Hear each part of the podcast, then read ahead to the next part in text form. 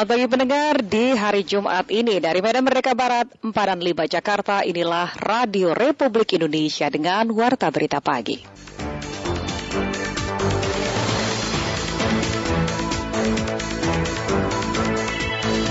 Vaksin ini diberikan tiga kali suntikan secara intramuskular dengan interval pemberian satu bulan. Vaksin ini dapat disimpan pada kondisi suhu khusus 2 sampai 8 derajat Celcius. Sehingga someday suatu saat maka kita akan tahu dia ngomong saya masih miskin loh rumahnya tambah besar kok. Kan kita bisa bandingkan.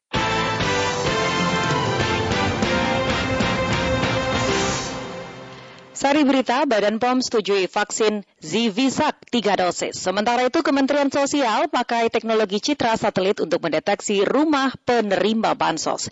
Inilah warta berita selengkapnya untuk hari ini Jumat 8 Oktober 2021 bersama saya Risti Rustarto.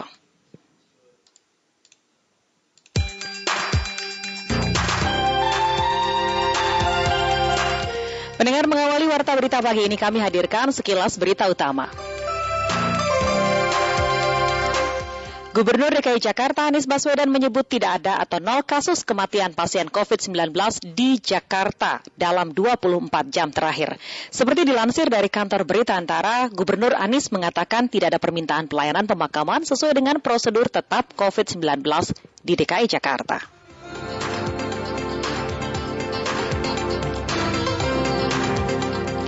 Organisasi Kesehatan Dunia atau WHO merekomendasikan penggunaan vaksin malaria untuk anak-anak di Afrika. Seperti dikutip dari Reuters, butuh 30 tahun untuk membuat vaksin ini. Setiap tahun seperempat juta anak-anak Afrika meninggal akibat malaria.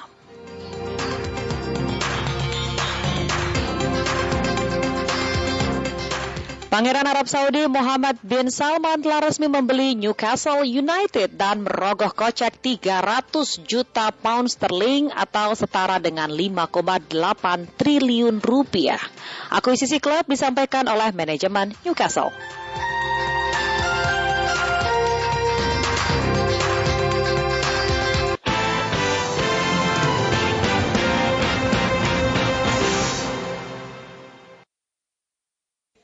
Badan Pengawas Obat dan Makanan atau Badan BPOM atau BPOM maksud kami mengeluarkan izin penggunaan darurat untuk vaksin Zivis, Zivivax.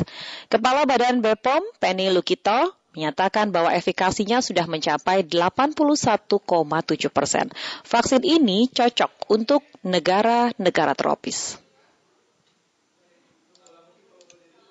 Efeknya yang sistemik yang paling sering adalah sakit kepala, kelelahan, demam, saya kira itu adalah yang biasa atau common terjadi dengan tingkat keparahan grade 1 dan 2. Vaksin ini diberikan tiga kali suntikan secara intramuskular dengan interval pemberian satu bulan. Vaksin ini dapat disimpan pada kondisi suhu khusus 2 sampai 8 derajat Celcius. Jadi saya kira ini dalam rentang yang uh, cocok untuk negara tropis seperti Indonesia. Vaksin ini juga efektif melawan varian Delta dan rencananya akan mulai diproduksi tahun ini.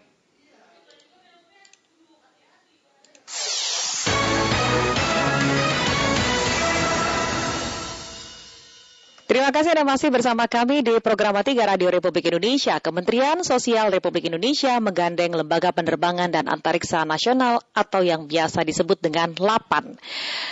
Lembaga ini dipakai untuk mendeteksi rumah penerima bantuan sosial. Menurut Wakil Ketua Komisi 8 DPR RI, Aceh Hasan Sadeli, mengatakan bahwa ukuran rumah bukan satu-satunya yang dijadikan parameter dalam tingkat kemiskinan penerima bansos.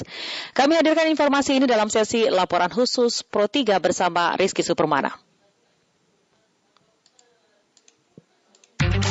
Laporan khusus. Laporan khusus. Laporan khusus.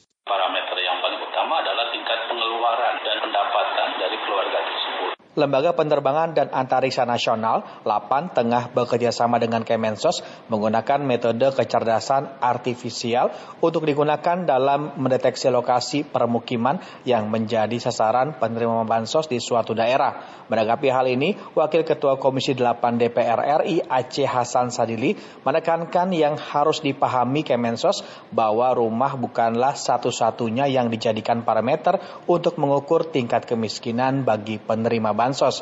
Politisi dari fraksi Golkar ini menyebut yang harus dipastikan penerima bansos adalah keluarga yang penghasilannya berkurang akibat pandemi COVID-19.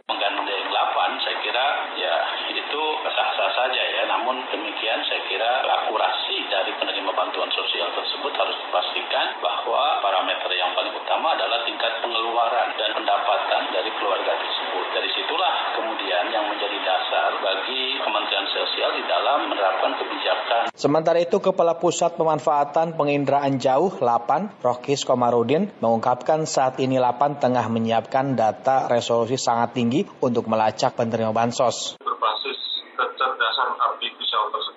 akan menemukan lokasi pemukiman kumuh di suatu kota. Data koordinat penerima bansos gabung dengan lokasi-lokasi pemukiman kumuh yang diperoleh dari citra satelit, maka dapat ditemukan mana penerima bansos yang berada di pemukiman kumuh Mensos Tri Risma hari ini mengungkapkan kerjasama ini dilakukan oleh Kemensos dan Lapan untuk melacak kelayakan rumah penerima bansos. Kondisi rumah warga penerima bansos dapat terlihat dari citra satelit milik Lapan sehingga Kemensos dapat lebih tepat sasaran dalam memberikan bansos kerjasama juga dengan Lapan, kita akan tahu nanti kalau posisi dari rumah itu dengan data geospasialnya, citra satelitnya, kita akan tahu positioning rumah itu. Sehingga someday, suatu saat, maka kita akan tahu dia ngomong, saya masih miskin loh, rumahnya tambah besar kok. Kan kita bisa bandingkan. Lapan menyebut metode kecerdasan artifisial saat ini sedang diuji coba di Bandung, Makassar, dan sejumlah daerah. Nantinya data yang diperoleh diperoleh akan diimplementasikan dalam sistem informasi geospasial. Dari Jakarta, Rizky Supermana Pro 3 RRI. Citra satelitnya kita akan tahu positioning rumah itu.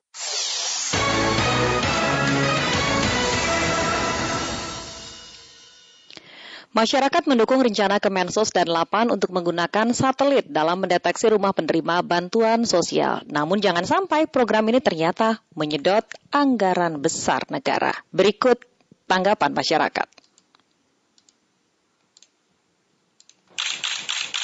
Nama saya Givari. Saya daerah Bandung cuma kerja di Jakarta. Kalau itu bagus-bagus aja sih, bisa-bisa aja. Itunya kayak lapan, memakai lapan, teknologi apa itu jatuhnya teknis. Itu yang terpenting tuh apakah penerimanya tepat sasaran atau enggak itu yang terpenting tuh gitu. Yang terpenting tuh kan sebenarnya DPT-nya, daftar ininya penerimanya itu apakah tepat, udah tepat atau enggak gitu. Uh, Freddy, saya asli luar daerah NTT. Selagi itu memang membawa manfaat untuk masyarakat dan tepat sasaran, saya kira boleh-boleh saja. Uh, yang penting jangan sampai ini mengalihkan program butuh biaya yang besar dan justru juga ini perlu diantisipasi. Jangan sampai hanya memindahkan program, tapi anggaran justru tersita di alokasi program tadi.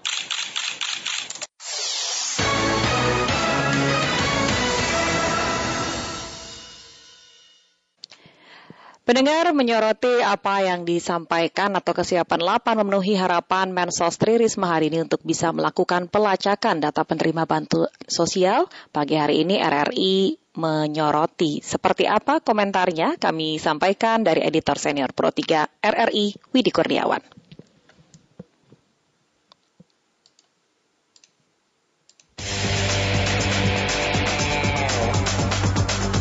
Editorial Pro 3 Selamat pagi pendengar. Gagasan pelacakan dan pengintaian penerima bantuan sosial menggunakan satelit tentu menarik. Kendati Lembaga Penerbangan dan Antariksa Nasional 8 belum juga memenuhi harapan Kementerian Sosial untuk melakukan pelacakan data penerima bantuan sosial menggunakan citra satelit tersebut.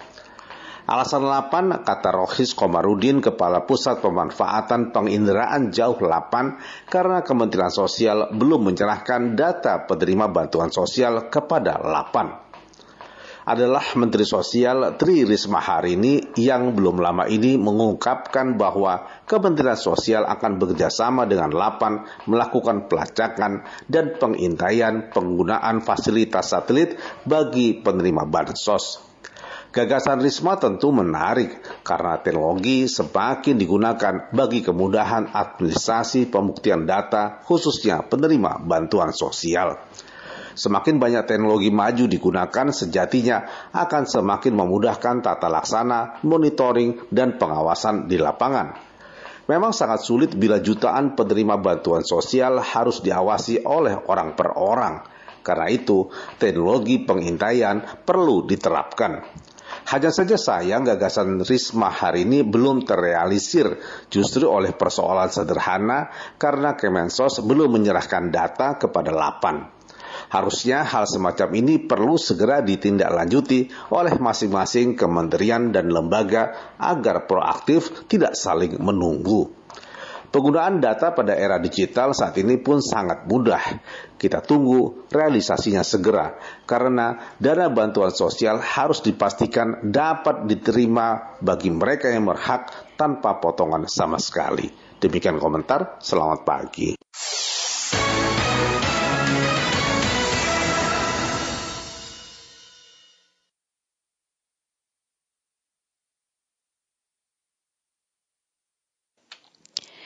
Ya, mendengar selain informasi tadi akan kami bahas lebih lanjut dalam Indonesia Menyapa Pagi, kami punya informasi Jurnal Pekan Olahraga Nasional atau PON ke-20 Papua bersama tim liputan RRI di empat klaster yang ada, yaitu di Kabupaten Jayapura, Kota Jayapura, Kabupaten Mimika, dan Kabupaten Merauke.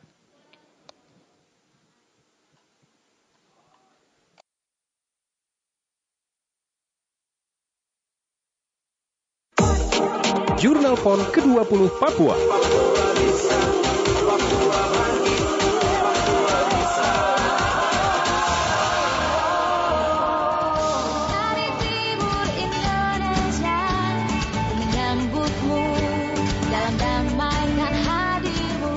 Menyisakan 8 hari pelaksanaan Pekan Olahraga Nasional PON 20 Papua, persaingan kontingen untuk menempati puncak daftar perolehan medali semakin memanas tercatat empat provinsi papan atas memiliki perbedaan medali emas sangat tipis. Empat kontingen provinsi tersebut masing-masing Jawa Barat, DKI Jakarta, Jawa Timur, dan tuan rumah Papua.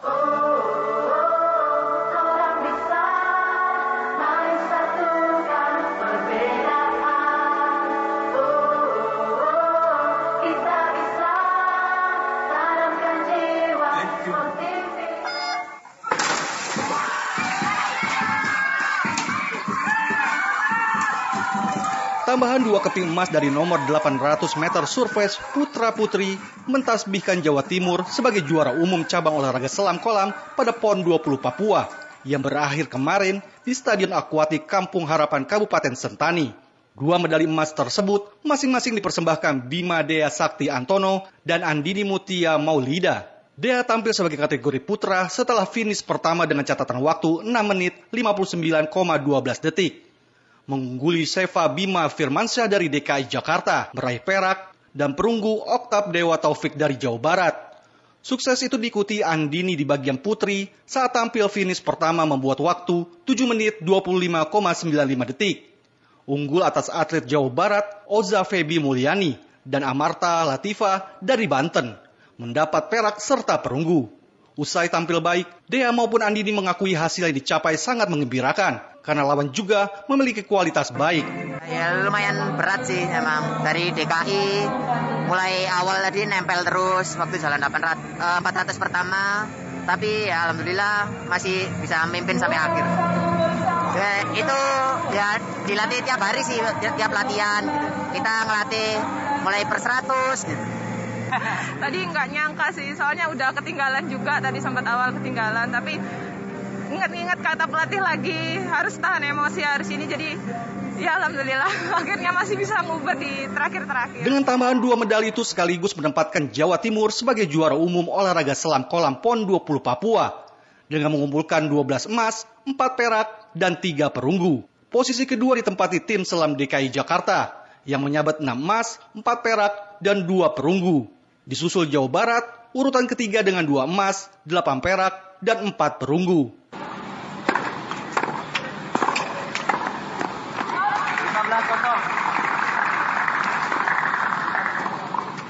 Dari arena tenis PON Papua yang berlangsung di Sian Shore Tennis Center, halaman kantor wali kota Jayapura, tim tenis Jawa Timur juga mendominasi dengan menyapu bersih tujuh medali emas yang disediakan. Prestasi itu diawali lewat pemain tunggal putra Muhammad Rifki yang di laga final mengalahkan petenis Papua Barat Muhammad Altaf 3 set 6-3, 4-6, dan 7-5. Hasil positif Rifki diikuti petenis tunggal putri Indonesia Aldila Suciadi merebut medali emas kedua bagi Jatim usai menundukkan petenis tuan rumah Papua Priska Madile Nugroho 6-4, 7-6. Sebelumnya Jawa Timur telah merebut dua medali emas pada nomor bergu putra-putri. Pada partai final kemarin, pasangan ganda putra Christopher Rungkat David Susanto mengamankan emas kelima bagi Jawa Timur. Menyusul kemenangan atas pasangan Papua Barat, Ahmad Imam Ma'ruf Tio Julian di Hutahuruk.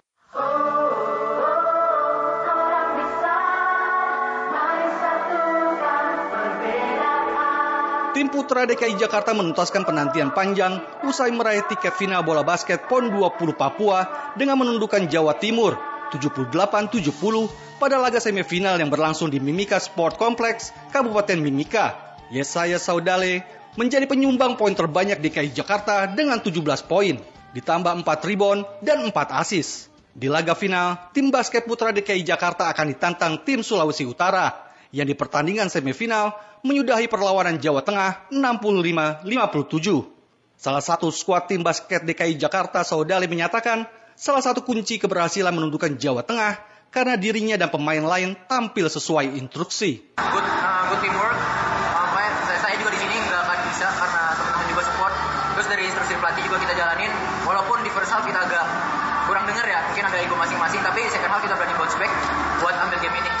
Sementara di laga bola basket putri, tim Bali juga melaju ke babak final setelah mengalahkan Sulawesi Selatan 52-41.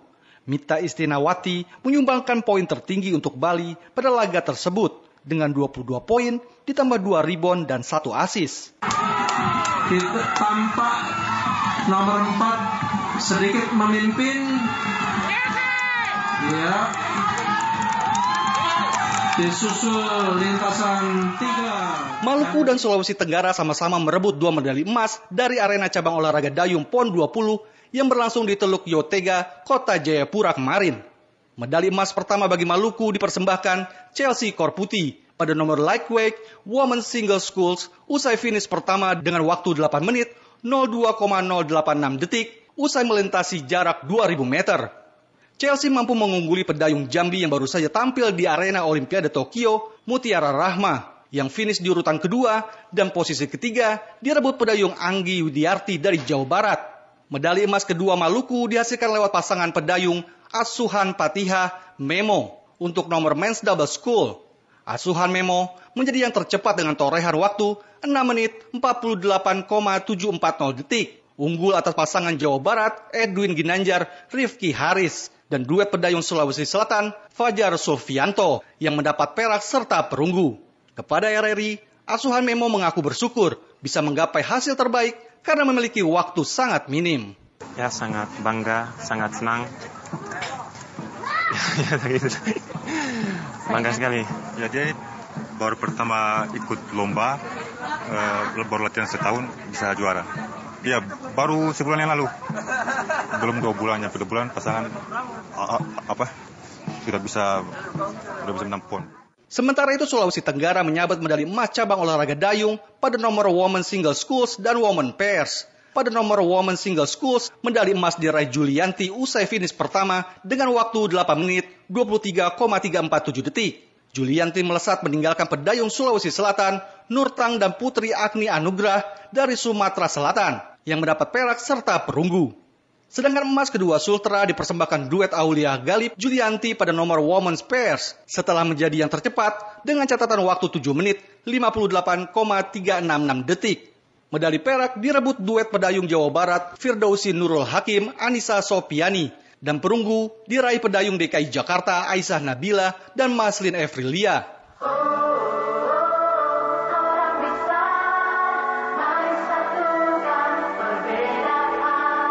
Atlet atletik nasional asal Nusa Tenggara Barat, Sapuatu Rahman, tetap menjadi yang terbaik pada nomor lompat jangkit PON 20 Papua usai membuat lompatan sejauh 15,48 meter yang mengantarkannya meraih medali emas.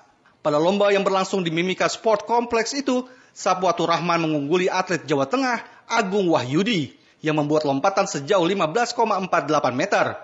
Kepada RRI, Sapuatu Rahman mengakui capaian yang dihasilkan merupakan perbaikan PON sebelumnya. Karena di Papua, dirinya berhasil menyumbangkan dua medali emas. Uh, kalau evaluasi pasti ada, setiap pertandingan pasti ada.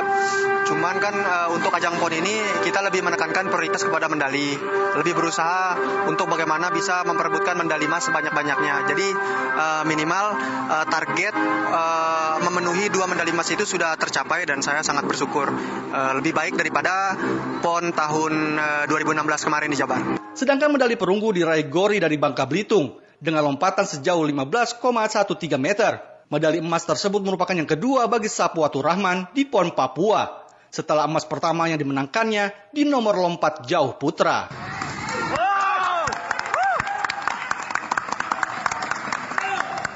Satu kosong.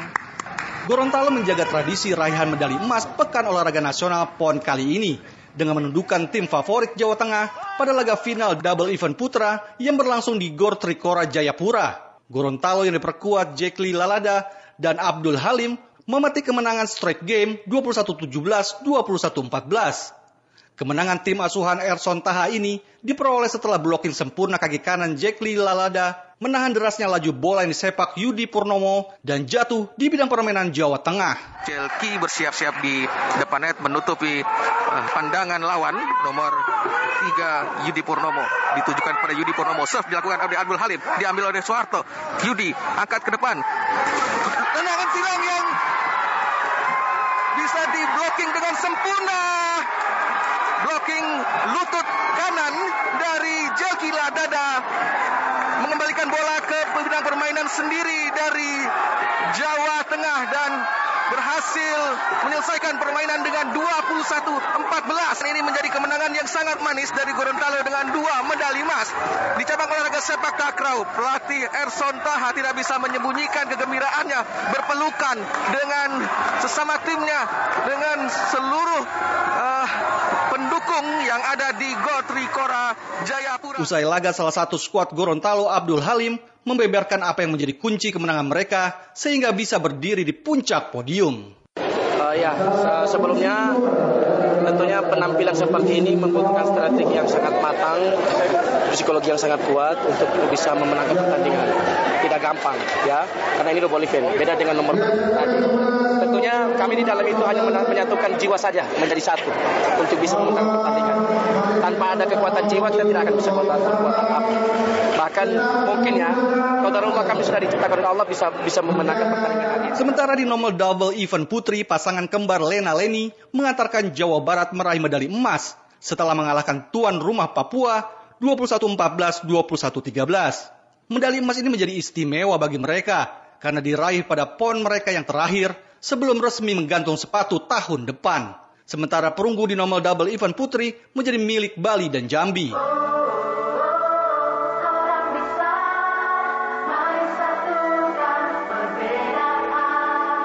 Lifter peraih perunggu kejuaraan Olimpiade Tokyo 2020 asal Sulawesi Selatan, Rahmat Erwin Abdullah, perkasa menundukkan enam rivalnya dalam cabang angkat besi kelas 81 kg putra PON 20 Papua. Tampil di auditorium Universitas Cendrawasih, Kabupaten Jayapura, Papua, Rahmat mampu membuat total angkatan 340 kg. Dalam debutnya di arena PON ini, Rahmat berhasil membuat angkatan snatch seberat 150 kg serta 200 kg untuk angkatan clean and jerk. Medali perak direbut lifter Jawa Timur Khairul Anwar dengan total angkatan 306 kg. Sedangkan lifter Bali Ketut Ariana dengan total angkatan 305 kg mendapat perunggu.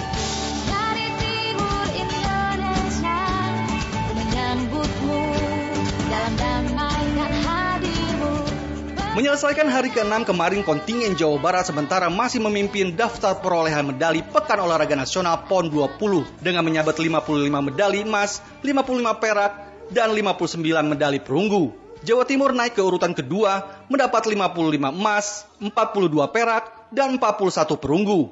Posisi ketiga DKI Jakarta merebut 54 medali emas, 44 perak, dan 56 perunggu. Posisi keempat ditempati kontingen tuan rumah Papua yang mendapat 52 emas, 25 perak, dan 46 medali perunggu. Sedangkan urutan lima besar diduduki kontingen Jawa Tengah, merebut 17 emas, 27 perak, dan 30 medali perunggu.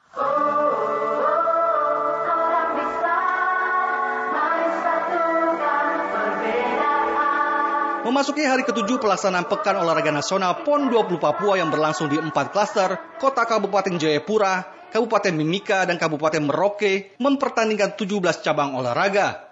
Dari 17 cabang olahraga itu, 9 di antaranya memperebutkan medali emas, yakni menembak, senam ritmik, dayung, angkat besi, panjat tebing, biliar, gulat, anggar, dan catur.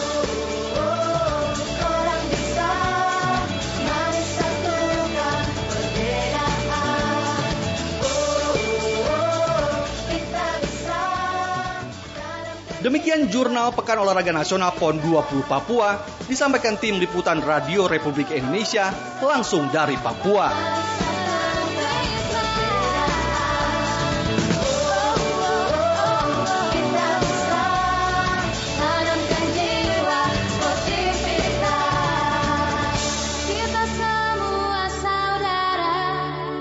Tanganmu untuk Indonesia.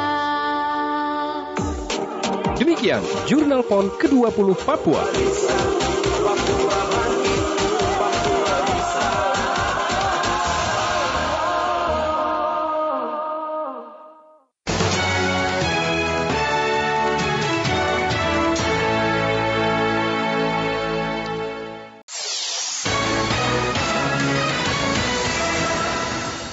Ke informasi pertama, sasaran vaksinasi COVID-19 di Kabupaten Kendal saat ini sudah mencapai 480 ribu orang atau sekitar 60 persen dari jumlah penduduk yang menjadi sasaran.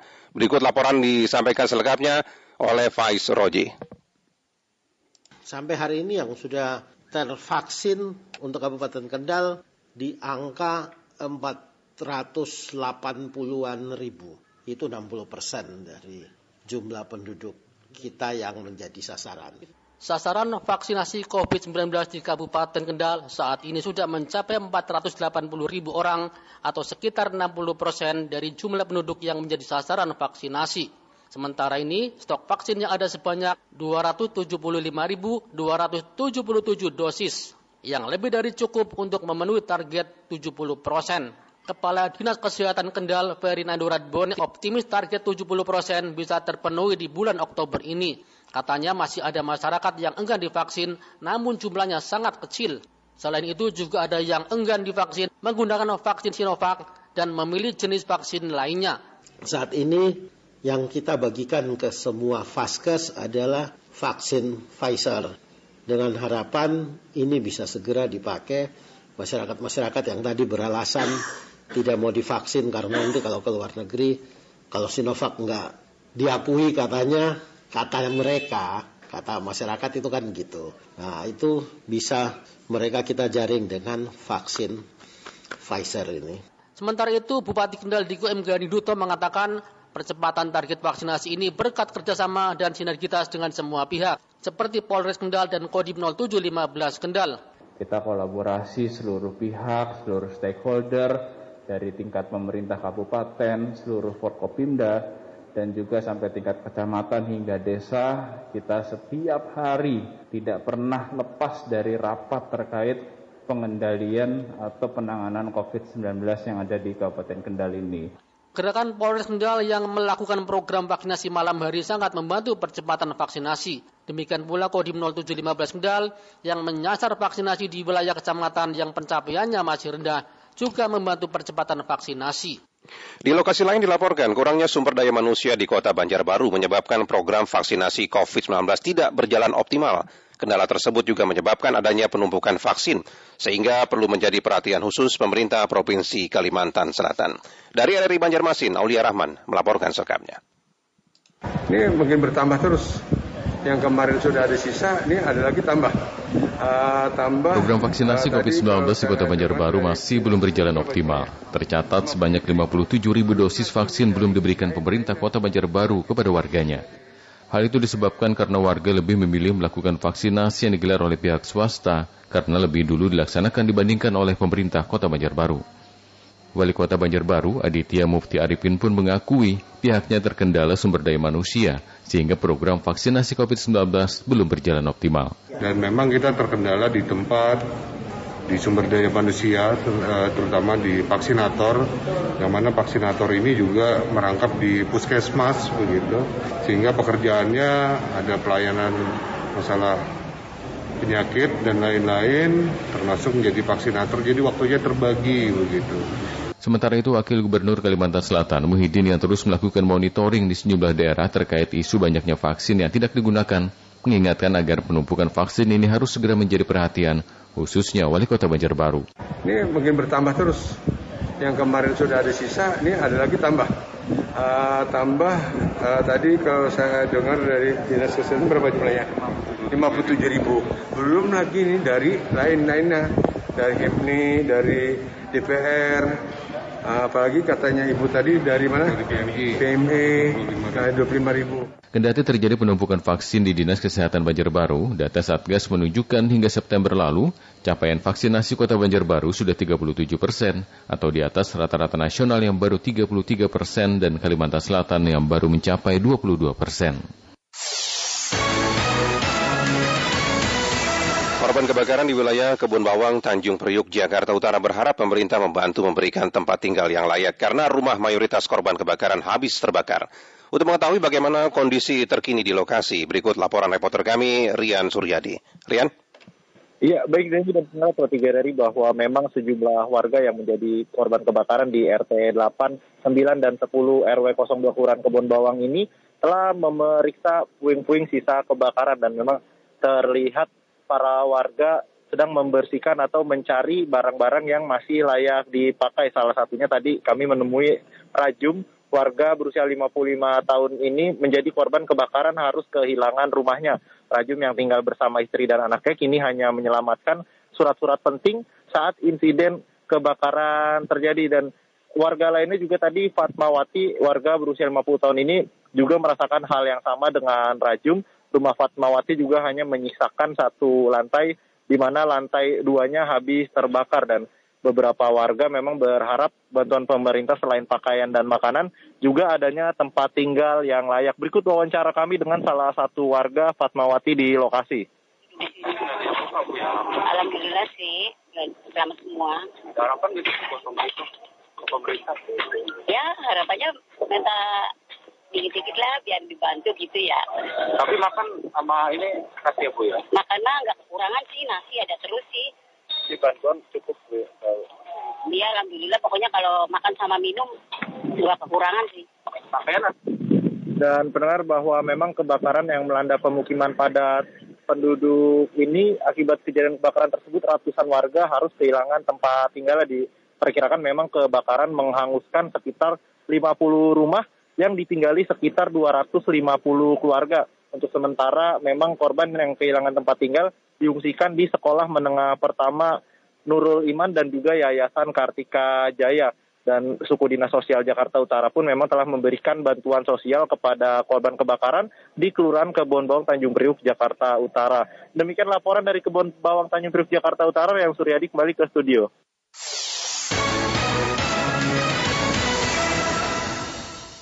Kementerian Sosial akan bekerja sama dengan Lembaga Penerbangan dan Antariksa Nasional atau LAPAN untuk melakukan pengecekan rumah penerima bantuan sosial sehingga penyalurannya dapat lebih tepat sasaran.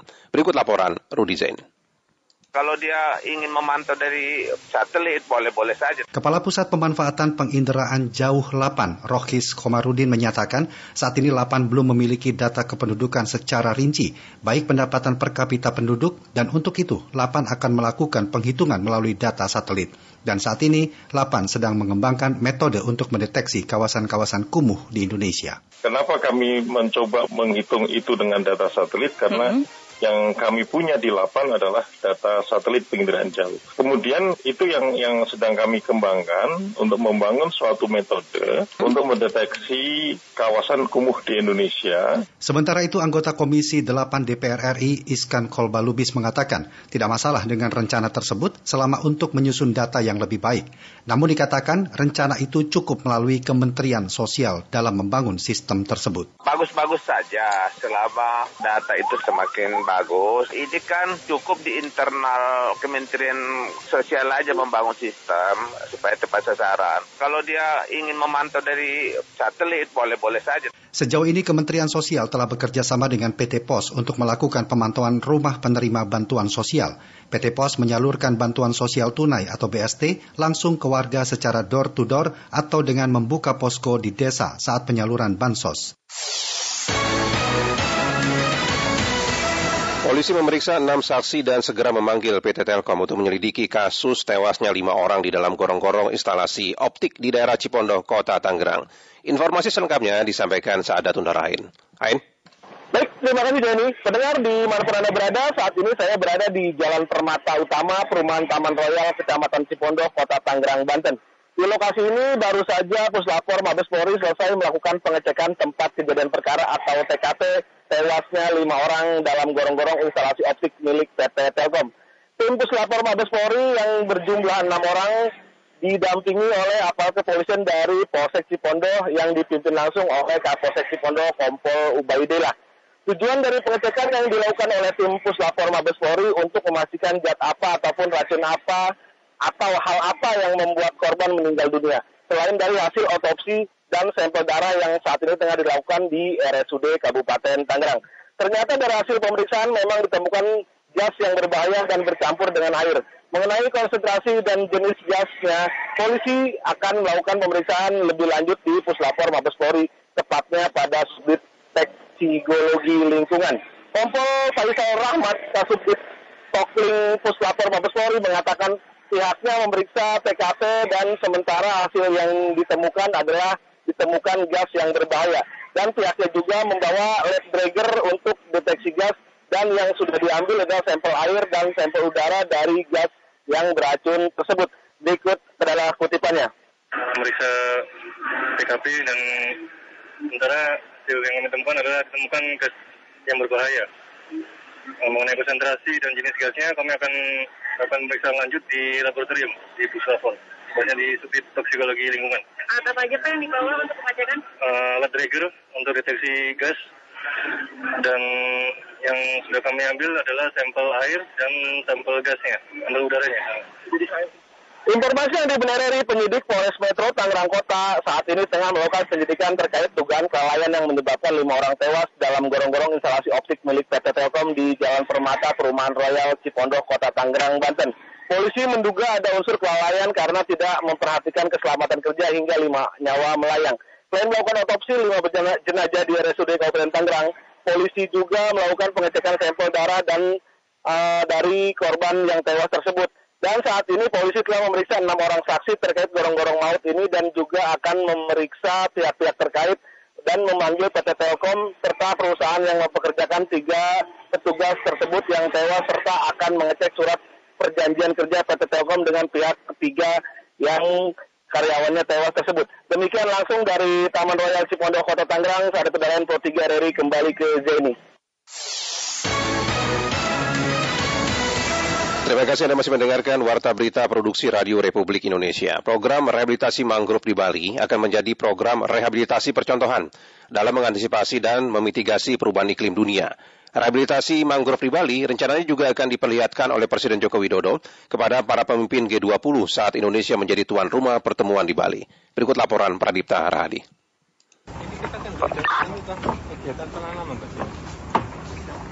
Pak Yusuf ada kegiatan penanaman? Kunjungan kerja Presiden Joko Widodo ke Provinsi Bali pada hari ini salah satunya melihat dan meninjau langsung kesiapan Provinsi Bali menjadi lokasi pertemuan para pemimpin G20. Salah satu yang menjadi perhatian Presiden Jokowi yaitu program rehabilitasi mangrove di Bali. Presiden Joko Widodo menyebut program rehabilitasi mangrove di Bali akan menjadi program rehabilitasi percontohan untuk diterapkan di provinsi-provinsi lain guna mengantisipasi dan memitigasi perubahan iklim dunia. Rehabilitasi mangrove di Bali rencananya juga akan diperlihatkan oleh kepala negara kepada para pemimpin G20 saat Indonesia menjadi tuan rumah G20 di Bali pada tahun depan. Melalui penanaman mangrove ini kita harapkan bisa mengurangi energi gelombang, bisa melindungi pantai dari abrasi, juga bisa menghambat intrusi air dan memperbaiki kualitas lingkungan baik di lingkungan pesisir maupun habitat di daerah pantai. Dan kita harapkan nanti ada peningkatan dari produksi ikan maupun hasil laut lainnya, utamanya kepiting yang cocok untuk mangrove ini dan yang paling akhir adalah bisa meningkatkan pendapatan masyarakat.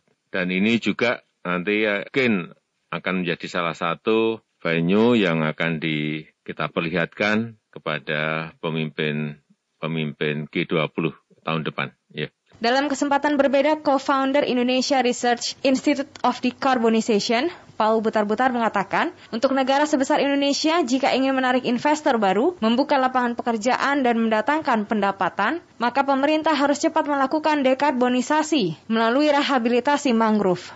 Target uh, net zero emissions 2000, uh, 2060 atau lebih awal. Ini juga perlu kita respon.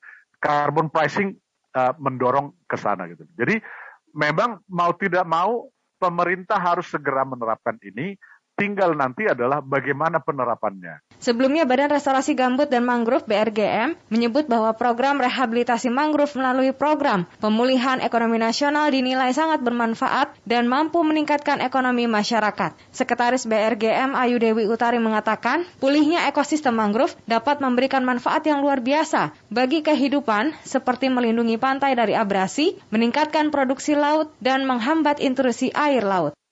Komisi Pemberantasan Korupsi KPK memperingatkan Samsudin Andi Arsyad atau lebih dikenal dengan sebutan Haji Isam tidak sembarangan melaporkan seorang saksi karena dapat mengganggu keterangan saksi tersebut. Berikut laporan Hairul Umam. Eh, menanggapi adanya pelaporan dugaan tindak pidana oleh pihak-pihak tertentu terhadap salah satu saksi atas keterangannya dalam persidangan, perlu kami sampaikan bahwa Komisi Pemberantasan Korupsi heran dengan tindakan Syamsuddin Andi Arsyad atau lebih dikenal dengan Haji Isam. Lembaga anti rasmo meminta Haji Isam tidak sembarangan melaporkan seorang saksi karena berpotensi mengganggu keterangan saksi tersebut. Pemilik PT John Lin Baratama, Samsudin Adi Arsyad alias Haji Isam, telah melaporkan mantan tim pemeriksa pajak Direktorat Jenderal Pajak yaitu Yulman Nizar ke Mabes Polri karena bersaksi dalam kasus suap perpajakan. Haji Isam menganggap keterangan Yulmanizar yang menuduhnya punya peran dalam kasus suap pajak telah mencemarkan nama baiknya. PLT Jubir KPK Ali Fikri mengatakan keterangan saksi merupakan pengetahuannya untuk mengungkap suatu kebenaran kasus tersebut. KPK juga heran dengan alasan Haji Isam yang melaporkan Yulmanizar ke Mabas Polri. Pasalnya, Haji Isam tidak berwenang melaporkan saksi tersebut. Hanya penuntut umum yang berhak melaporkan saksi jika kesaksian tersebut berupa palsu. Ali menegaskan pihaknya tetap akan mendalami keterlibatan Haji Isam meski sudah ada pelaporan tentang pencemaran nama baik. Haji Isam juga diminta menghargai persidangan karena laporan Haji Isam ke Mabes Polri dinilai tidak menghargai persidangan. Karena eh, tentu setiap eh, saksi yang menerangkan di persidangan juga akan dikonfirmasi dengan keterangan-keterangan saksi lainnya sehingga bisa diuji kebenaran eh, apa yang disampaikannya hingga menjadi sebuah fakta hukum. Eh, prinsipnya untuk dapat menjadi fakta hukum tentu memerlukan eh, eh, proses ya dan oleh karenanya KPK meminta semua pihak untuk sama-sama menghormati proses hukum yang sedang berlangsung tersebut.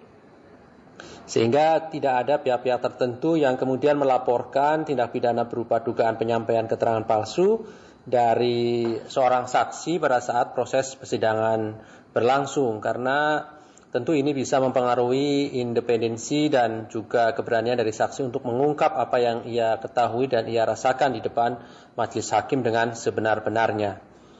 Lebih lanjut, Ketua KPK Firly Bahuri juga mengingatkan kepada para pihak adanya pasal lain berupa perintangan dan menghalangi dugaan tindak pidana korupsi. KPK tetap bekerja melakukan pengumpulan keterangan transaksi sehingga dengan bukti tersebut maka akan muncul terangnya suatu perkara pidana dan kita menemukan tersangkanya. Yang kedua, tentu tersangka pelaku korupsi itu tidak hanya kejahatan yang merugikan keuangan negara, tetapi ada juga kejahatan-kejahatan lain berupa suap menyuap, pemerasan, tindak pidana lain. Termasuk juga para pihak yang melakukan merintangi, menghalangi, menggagalkan penyelidikan, penyidikan, dan penuntutan tindak korupsi. Itu pasti kita tangani. Oke? Okay? Diketahui memang pengusaha Samsudin Andi Arsyad atau Haji Isam telah melaporkan mantan tim pemeriksa pajak Yulmanizar ke Badan Reserse Kriminal Polri. Haji Isam menganggap keterangan Yulmanizar yang menuduhnya punya peran dalam kasus suap pajak telah mencembarkan nama baiknya. Kuasa hukum dari Haji Isam, Junaidi mengatakan keterangan yang disampaikan Yulmanizar saat bersaksi di Pengadilan Tipikor Jakarta pada tanggal 4 Oktober 2021 adalah tidak benar. Ia mengatakan bahwa Aji Isam tidak mengenal Yulmanizar maupun konsultan pajak bernama Agus Sesetio.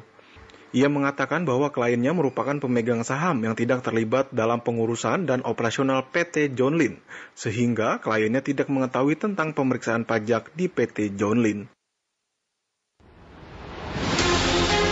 Info terkini, Pekan Olahraga Nasional PON ke-20 Papua.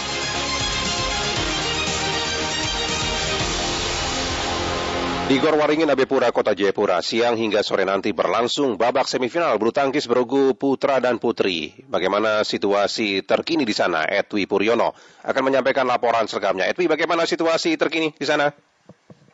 Ya, Jenny, sudah dimulai sih babak, penyisi, uh, babak semifinal ya untuk cabur bulu tangkis ini, Jenny. Ya, bagaimana jalannya pertandingan di sana, Edwi? Ya, baik Jenny dan juga para pendengar, saat ini saya berada di Gor Waringin, salah satu venue yang dipergunakan di PON 20 2021 Papua untuk cabang olahraga bulu tangkis dan hari ini mulai pukul 14 hingga pukul uh, 18 uh, sore nanti akan berlangsung empat partai dua partai di awal ini adalah di bergu uh, putri di mana babak semifinal ini ada dua lapangan yang dipergunakan. Lapangan pertama adalah tim tuan rumah Papua berhadapan dengan DKI Jakarta. Kemudian di lapangan dua tim Bali berhadapan dengan uh, Jawa Timur.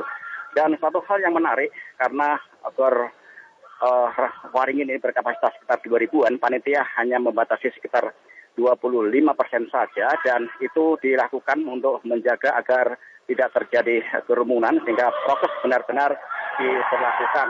Dan Gor Waringin yang uh, memang sudah disetting demikian rupa untuk cabur bulu tangkis ini memang cukup nyaman. Tribun-tribun yang sudah permanen ini juga cukup rapi, termasuk uh, menempatkan uh, kipas angin sehingga uh, penonton tidak terlalu kepanasan ya untuk memberikan dukungan kepada tim-tim yang bertanding di babak semifinal pada cabang olahraga bulu tangkis. Dan perlu kami gambarkan bahwa di uh, pertandingan yang belum selesai ya di lapangan dua ini adalah tuan rumah berhadapan dengan uh, DKI Jakarta di mana di partai pertama tadi, di tunggal pertama, DKI Jakarta leading dengan 1-0 dan saat ini adalah partai kedua antara tunggal kedua dari Papua, yakni Gabriel Moninga, berhadapan dengan Arum Octavia.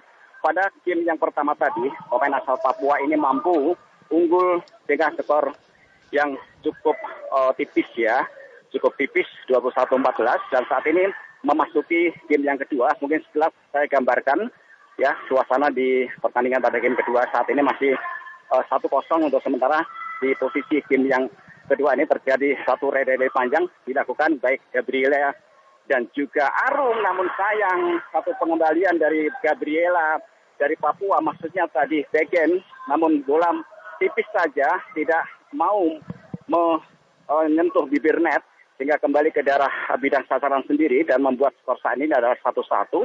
Sementara Arum bergeser di sebelah kiri dari DKI Jakarta yang mengenakan jersey berwarna merah ini dengan kaos lengan pendek kita nantikan sudah dia lakukan satu sekali memanjang ini namun kali ini pengembalian dari Arum oh, keluar di sebelah kanan bidang permainan dari uh, Gabriel Moninka dengan menambah poin menjadi 2-1 untuk oh, Gabriel saat ini bergeser di sektor sebelah kanan sependek sudah dilakukan pendek saja kembalikan oleh Arum Orang ke depan, kembalikan lagi oleh Gabriel. Satu smash saja oleh Gabriel, kembalikan oleh Arum. Depan net, satu pemain terjadi. Oh, kali ini satu pengembaliannya tidak sempurna.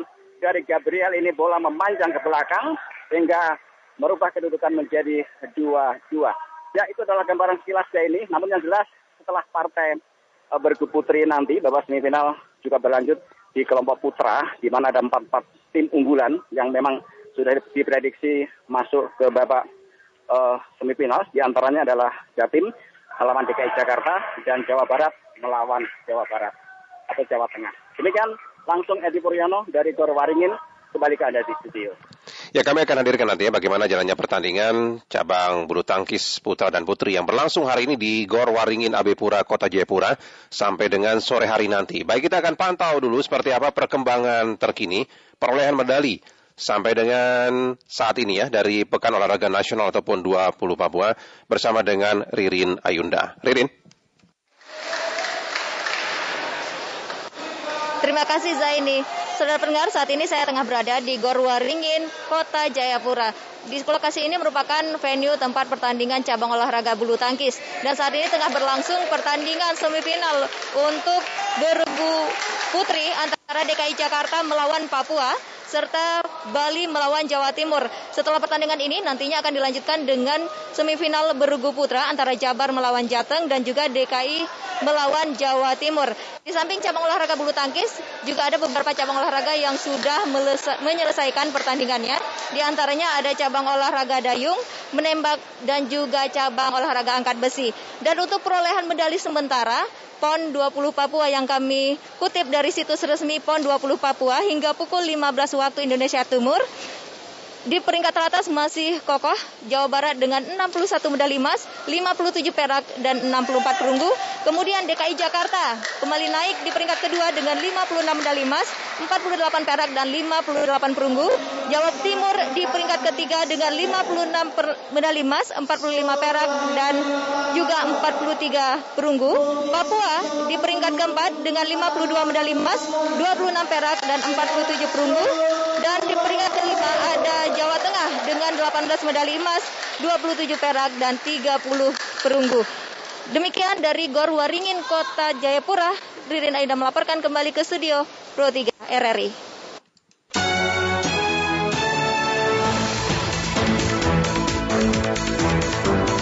Demikian warta berita Radio Republik Indonesia. Kami akan terus hadirkan berbagai informasi aktual lainnya. Tetaplah bersama kami.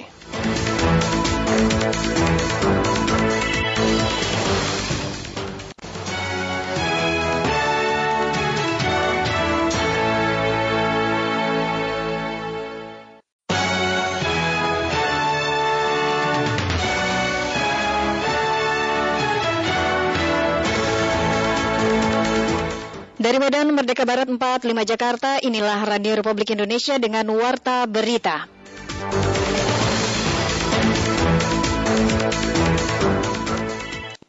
Sudah normal walaupun sekolah belum masuk, belum masuk sepenuhnya. Hampir kemacetan sudah terlihat.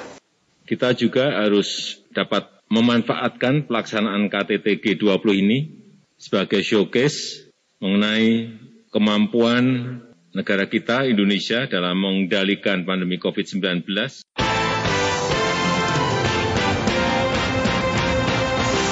Sari Berita. Kendaraan yang keluar masuk kota Surakarta meningkat tajam usai penurunan PPKM menjadi level 2. KTT G20 di Indonesia tahun depan dapat menjadi ajang kemampuan Indonesia mengendalikan pandemi COVID-19.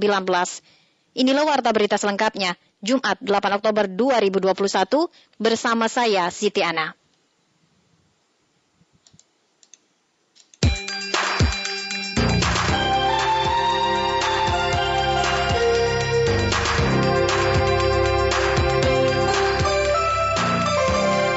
Mengawali warta berita malam ini kami sampaikan sekilas berita utama.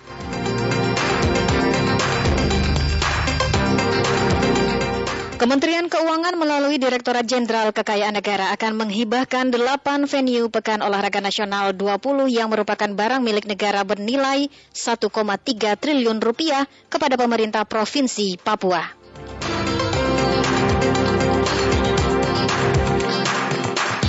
Untuk pertama kalinya sejak Juli 2021, Provinsi DKI Jakarta mencatatkan nol kasus kematian akibat COVID-19.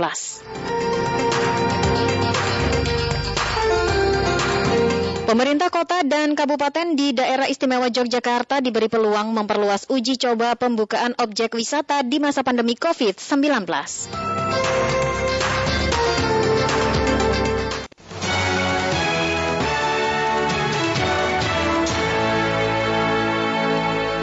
Pendengar kendaraan yang keluar masuk kota Surakarta meningkat tajam usai penurunan PPKM menjadi level 2. Menurut Kepala Bidang Lalu Lintas Dinas Perhubungan Kota Surakarta Ari Wibowo mengatakan kenaikan tertinggi terjadi pada tanggal 6 Oktober atau dua hari lalu. Berikut informasinya disampaikan Wiwit Wida. Di awal-awal mungkin mereka cukup jenuh ya, PPKM darurat, terus PPKM level 4. Masyarakat ini kita lihat sudah mulai jenuh dan keluar. Pasca penetapan pemberlakuan pembatasan kegiatan masyarakat PPKM di wilayah aglomerasi Solo Raya turun dari level 3 ke level 2, volume kendaraan yang keluar masuk kota Surakarta mengalami lonjakan yang sangat tajam. Kepada wartawan di kantornya, Kepala Bidang Lalu Lintas Dinas Perhubungan Kota Surakarta Ari Wibowo menjelaskan, jumlah kendaraan sebelum masa PPKM 246.312 per hari. Pada saat PPKM darurat, jumlah tersebut mengalami penurunan hingga 35 persen. Namun seiring kondisi yang mulai melandai terjadi peningkatan jumlah kendaraan, puncaknya usai penetapan PPKM level 2. Kenaikan tertinggi mencapai 47 persen pada 6 Oktober lalu yang terpantau dari mobilitas kendaraan di 5 titik batas kota. Menurut Ari Wibowo, dengan kondisi tersebut kemacetan sekarang sudah kembali terlihat, terutama pada jam-jam tertentu. Jadi ini memperlihatkan bahwa kalau di Solo sudah normal, arus lantas sudah normal walaupun sekolah belum masuk, belum masuk sepenuhnya, e, karena juga pastinya akan ada pastinya kan data itu terpengaruh dari jumlah pertambahan kendaraan pasti ada. Seperti dealer-dealer menjual mobil dan sebagainya. Terus juga e, mobilitas kendaraan sudah mulai normal masyarakat. Jadi sudah di sini sudah tidak terlihat lagi e, penurunan dan arus lantas sudah sangat normal kalau di kita. Jadi kepadatan mungkin panjenengan bisa mersani kepadatan kemacetan sudah hampir kemacetan sudah terlihat. Sementara PLT Kabit Pengujian Dishub Harun A. Rashid mengungkapkan seiring dengan kondisi lalu lintas yang sudah kembali normal maka beberapa program dishub yang terhenti akan dimulai lagi. Salah satunya bimbingan teknis soal perbengkelan. Setelah kemarin tidak ada bintek, ini kita adakan bintek untuk bintek mekanik bengkel. Mekanik-mekanik itu kita refresh lagi dan perlu kita tambah wawasan, terutama nanti ada kita datangkan dari mobil listrik. Harapannya dengan mobilitas kendaraan yang mulai meningkat, diimbangi penyiapan sarana pendukung kemampuan mekanik bengkel yang memadai. Bintek tersebut diikuti 40 peserta, mereka tergabung dalam paguyuban bengkel Solo. Pendengar Kota Blitar, Jawa Timur mencoba untuk menerapkan uji coba PPKM level 1. Menurut ahli epidemiologi Universitas Erlangga, ada tiga paket yang dapat digunakan untuk mengendalikan penyebaran COVID-19. Laporan disampaikan Oza Ahmad berikut ini. Dinas Kesehatan Kota Blitar menyebut pemberian vaksin COVID-19 jenis Moderna sudah boleh diberikan kepada masyarakat umum. Namun untuk saat ini di Kota Blitar masih difokuskan diberikan kepada tenaga kesehatan. Hal ini disampaikan oleh Kepala Bidang Pencegahan dan Pengendalian Penyakit P2P Dinas Kesehatan Kota Blitar Didi Jumianto. Pihaknya menyampaikan berdasarkan petunjuk dari pemerintah pusat, pemberian vaksin COVID-19 jenis Moderna sudah diperbolehkan untuk masyarakat umum. Namun untuk di Kota Blitar belum akan melakukan hal tersebut. Diakui Didi Jumianto, pemberian vaksin COVID-19 jenis Moderna kepada masyarakat harus direncanakan secara matang. Memang sudah ada instruksi di sana, tapi kita berpikir kepada yang nakes dulu ini. Hmm. Nanti kalau nakes booster ini sudah selesai, baru nanti kita berpikir pada masyarakat umum. Memang ada. Didi menambahkan sesuai data per 6 Oktober 2021, capaian vaksin COVID-19 jenis Moderna untuk nakes sudah mencapai 68,66 persen dari jumlah sasaran sebanyak 2.744 orang.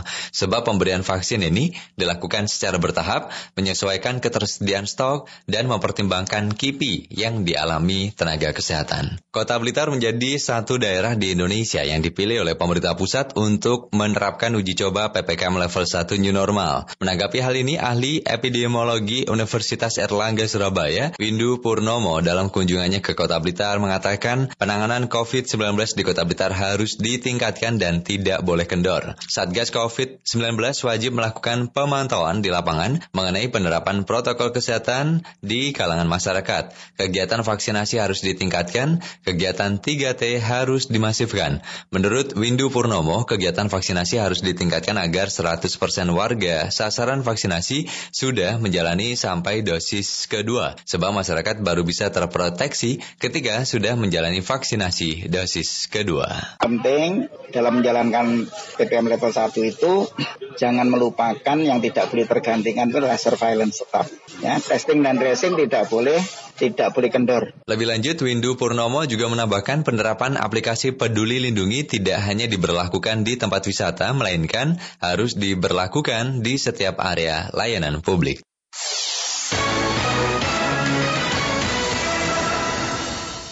Bertempat di Pusdiklat Kopassus, Batu Jajar, Jawa Barat, Presiden Joko Widodo kemarin menetapkan 3.000 orang sebagai anggota komponen cadangan pertahanan atau Komcat yang akan dikerahkan jika negara mengalami keadaan darurat militer atau perang. Berikut informasinya kami hadirkan dalam sesi laporan khusus disampaikan Fitra Maria berikut ini. Laporan khusus. Laporan khusus. Laporan khusus.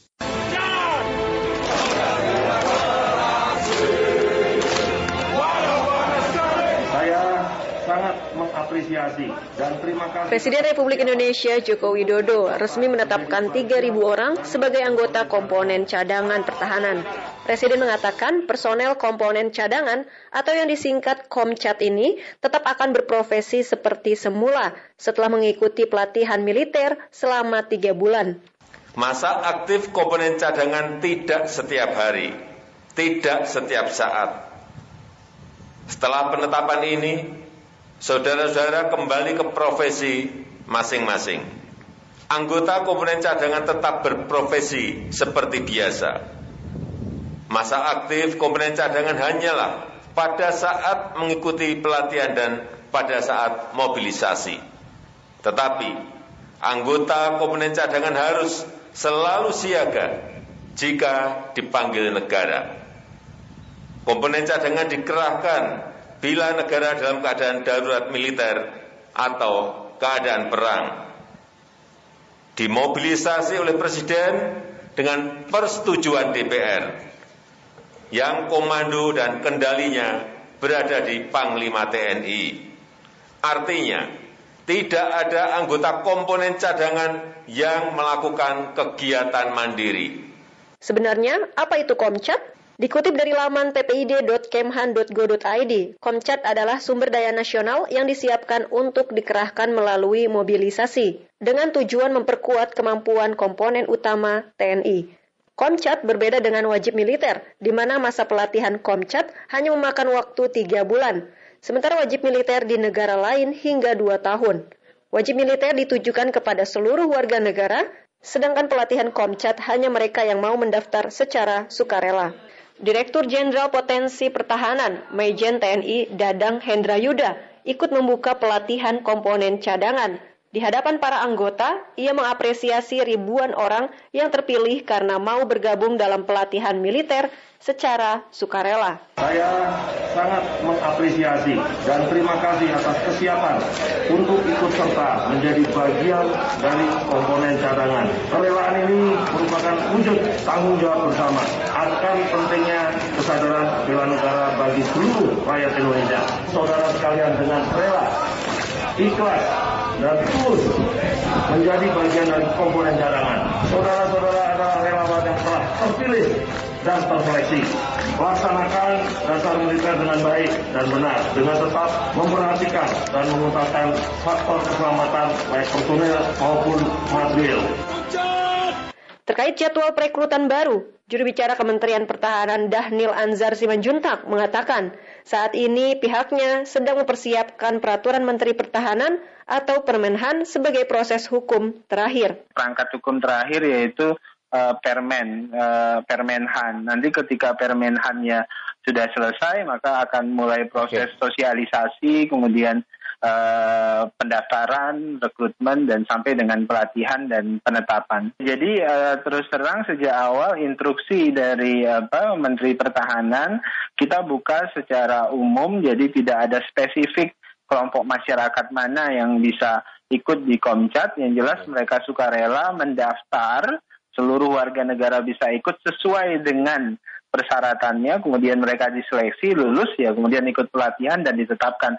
Adapun persyaratan untuk mendaftar sebagai anggota Komcat, yaitu warga negara yang berusia 18 hingga 35 tahun, dengan latar belakang apa pun, lulus seleksi TNI, setelah itu mengikuti pelatihan militer di pusat-pusat pelatihan TNI. Menurut pasal 36 Undang-Undang Pengelolaan Sumber Daya Nasional, warga negara yang mengikuti pelatihan dasar kemiliteran Komcat akan memperoleh keuntungan berupa uang saku, perlengkapan lapangan, perawatan kesehatan, dan perlindungan jaminan kecelakaan kerja, serta jaminan kematian.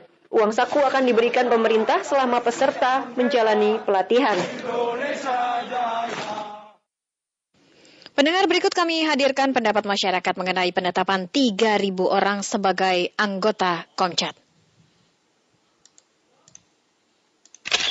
Iya mas, dengan siapa? Wawan di Jakarta.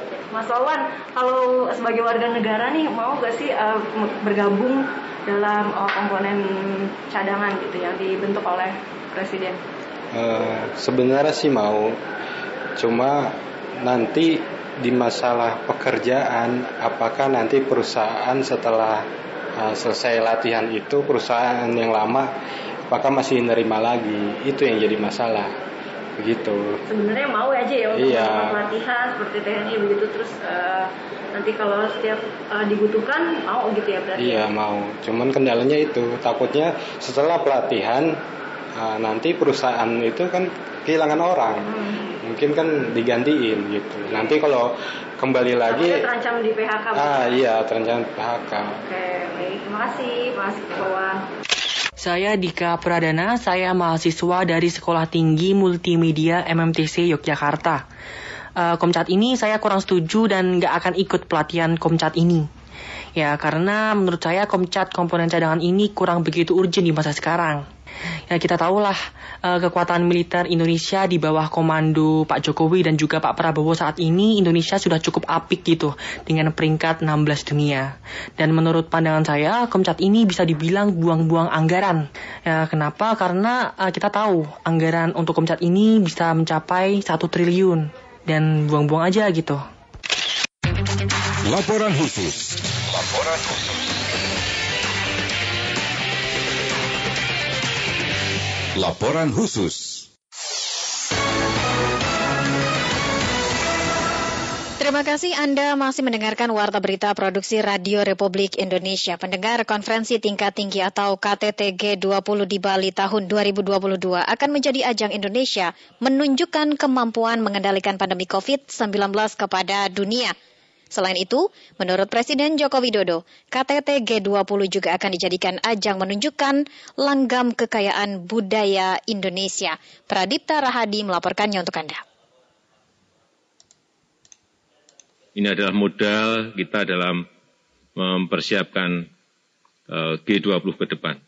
Rangkaian agenda kegiatan kunjungan kerja Presiden Joko Widodo ke Provinsi Bali juga diisi dengan peninjauan venue yang akan digunakan untuk konferensi tingkat tinggi KTT G20 di Bali tahun 2022 mendatang. Indonesia akan bertindak sebagai tuan rumah dan usai peninjauan Presiden Jokowi menyebut bahwa KTT G20 di Bali tahun 2022 mendatang akan menjadi ajang unjuk gigi bagi Indonesia kepada dunia khususnya terkait kemampuan dalam mengendalikan pandemi COVID-19 di tanah air kita juga harus dapat memanfaatkan pelaksanaan KTT G20 ini sebagai showcase mengenai kemampuan negara kita Indonesia dalam mengendalikan pandemi COVID-19 baik dari sisi kesehatan maupun dari sisi ekonomi. Tidak hanya itu, kepala negara juga ingin menunjukkan pula kepemimpinan Indonesia dan langgam kekayaan budaya Indonesia dalam presidensi G20.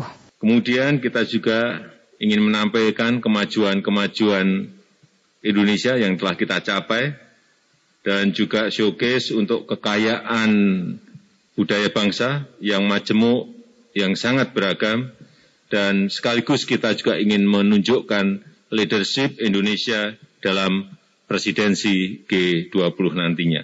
Sebelumnya Menteri Luar Negeri Retno Marsudi mengutarakan Indonesia yang akan menjabat presidensi G20 di tahun 2022 mendatang akan berfokus pada pemulihan bersama negara-negara dunia dari pandemi COVID-19 baik secara kesehatan orang maupun kesehatan perekonomian. Maka selama keketuaan Indonesia, spirit utamanya adalah pulih bersama. Indonesia akan menerima tongkat estafet presidensi G20 dari Italia pada KTT G20 yang dilaksanakan di Roma pada akhir Oktober 2021. Dengan demikian, per Desember 2021, Indonesia secara resmi menjabat presidensi G20 hingga November 2022 mendatang. Pemerintah sebelumnya memperkirakan beberapa manfaat langsung yang dapat dicapai jika pertemuan KTT G20 dilaksanakan secara fisik, yaitu meningkatkan konsumsi domestik hingga 1,7 triliun rupiah, penambahan PDB nasional mencapai 7,4 triliun rupiah, pelibatan UMKM dan penyerapan 33 ribu tenaga kerja dari berbagai sektor. Pendengar Komisi Pemberantasan Korupsi KPK akan melindungi Haji Isam, saksi kasus suap pajak yang dilaporkan pemilik PT John Lin Baratama Group ke Mabes Polri atas kasus pencemaran nama baik. Khairul Umam melaporkannya untuk Anda. lagi Pak terkait dengan yang kemarin kan ada apa saksi yang kemudian dilaporkan balik menjadi kesaksian palsu itu Pak. Bapak boleh berkomentar Pak soal kasusnya pajak Pak Haji Isam melapor ke Mabes Polri itu ada saksi yang dilaporkan ke Mabes Polri nah itu kan mengganggu persidangan. Komisi Pemberantasan Korupsi heran dengan tindakan pemilik PT John Lin Baratama, yaitu Samsudin Andi Arsyad alias Haji Isam, yang melaporkan mantan tim pemeriksa pajak Direktorat Jenderal Pajak, yaitu Yulma Nizar, ke Mabes Polri karena menyebut namanya di dalam persidangan kasus suap perpajakan. Wakil Ketua KPK Nurul Gufron merespon hal tersebut. Menurut Gufron, lembaga anti rasuah menegaskan akan melindungi Yulma Nizar dari laporan Haji Isam mengenai pencemaran nama baik. Gufron menegaskan bahwa Yumanizar memiliki hak dan kebebasan untuk membeberkan apa pun yang diketahuinya terkait dengan kasus tersebut. Menurut Gufron, Haji Isam baru bisa melaporkan Yulmanizar jika terbukti berbohong, itu pun kalau ada bukti yang kuat. Ya, pertama begini, setiap saksi e, memiliki dua aspek memang. Dia memiliki kewajiban hukum untuk memberikan keterangannya. Tentu keterangan yang disampaikan adalah apa yang ia alami, ia dengar ataupun ia lihat secara langsung. Kalau ternyata apa yang disaksikan ataupun diterangkan pada kesaksiannya dalam proses hukum ternyata eh, bohong ya atau tidak benar, maka pihak-pihak yang memiliki apa yang berkepentingan atau dirugikan atas keterangan tersebut itu secara hukum itu memungkinkan untuk kemudian e, mengadukan itu sah-sah saja tetapi tentu kemudian e, setiap saksi juga e, sepanjang beritikat baik memberikan keterangan yang yang benar tentu pasti akan dilindungi secara hukum baik oleh KPK maupun LPSK. Lebih lanjut, PLT Jubir KPK Ali Fikri mengatakan bahwa dengan tindakan Haji Isam, lembaga anti rasuah meminta Haji Isam tidak sembarangan melaporkan orang karena berpotensi mengganggu keterangan saksi. Menurut Ali, keterangan saksi merupakan pengetahuannya untuk mengungkap suatu kebenaran kasus tersebut. KPK juga bingung dengan alasan Haji Isam yang melaporkan Yulmanizar ke Mabes Polri.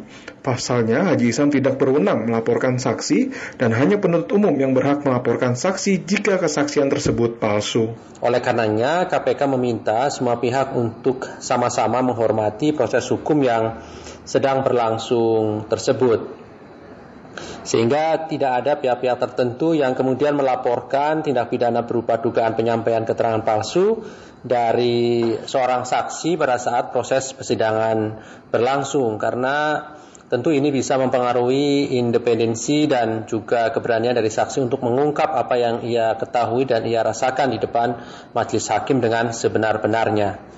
Diketahui memang Haji Isam melaporkan mantan tim pemeriksa pajak yaitu Yulmanizar ke Badan Reserse Kriminal Polri. Haji Isam menganggap keterangan Yulmanizar yang menuduhnya punya peran dalam kasus suap pajak telah mencemarkan nama baik.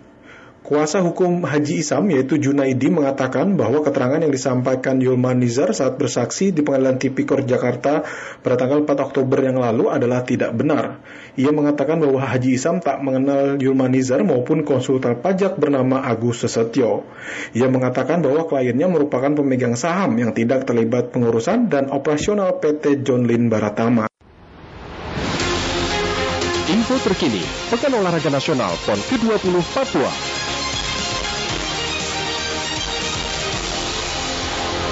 Pendengar Jawa Timur tampil sebagai juara umum cabang olahraga panjat tebing yang berlangsung di arena panjat tebing SP2 Mimika. Sumarsono melaporkannya untuk Anda. Sumarsono. Iya, pendengar torehan 6 medali emas, 5 perak dan 3 perunggu menempatkan kontingen Jawa Timur sebagai juara umum cabang olahraga panjat tebing Pekan Olahraga Nasional ataupun PON ke-20 Papua 2021. Selama pertandingan panjat tebing yang diselenggarakan di arena panjat tebing SP2 Mimika, perolehan emas Jatim diperoleh di nomor tim lead putra, tim lead putri, tim boulder putra, individual boulder putra yang dipersembahkan oleh Aan Aviansyah, Fitria Hartani di nomor individual boulder putri dan Fahro Roji di nomor individual kombinat putra. Di posisi kedua tempati kontingen tuan rumah Papua dengan raihan tiga medali emas, satu perak dan satu perunggu. Jawa Tengah di posisi ketiga dengan raihan dua emas, satu perak dan tiga perunggu, sedangkan Nusa Tenggara Barat di posisi keempat dengan raihan dua medali emas dan satu perak, dan Jawa Barat di posisi kelima dengan raihan emas, tiga perak dan enam perunggu. Dengan raihan tersebut secara resmi tadi olahraga ataupun cabang olahraga panjat tebing sudah ditutup sehingga besok sudah tidak ada lagi pertandingan panjat tebing.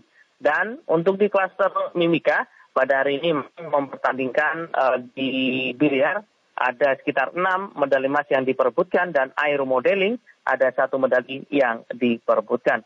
Dan kami informasikan sampai dengan uh, pukul 19 lebih 24 menit kontingen Jawa Barat masih berada di puncak klasmen perolehan medali dengan raihan 64 medali emas, 60 perak dan 67 perunggu. DKI Jakarta berhasil menyusul Jawa Timur di posisi kedua dengan raihan 58 emas, 49 perak dan 60 perunggu. Jawa Timur di posisi ketiga 57 emas, 47 perak dan 45 perunggu. Papua di posisi kelima dengan pas kami di posisi 4 dengan 53 emas, 27 perak dan 53 perunggu. Sedangkan Jawa Tengah di posisi kelima dengan raihan 18 emas, 28 perak dan 31 perunggu. Dari kawasan uh, Mimika, Sumarsono melaporkan.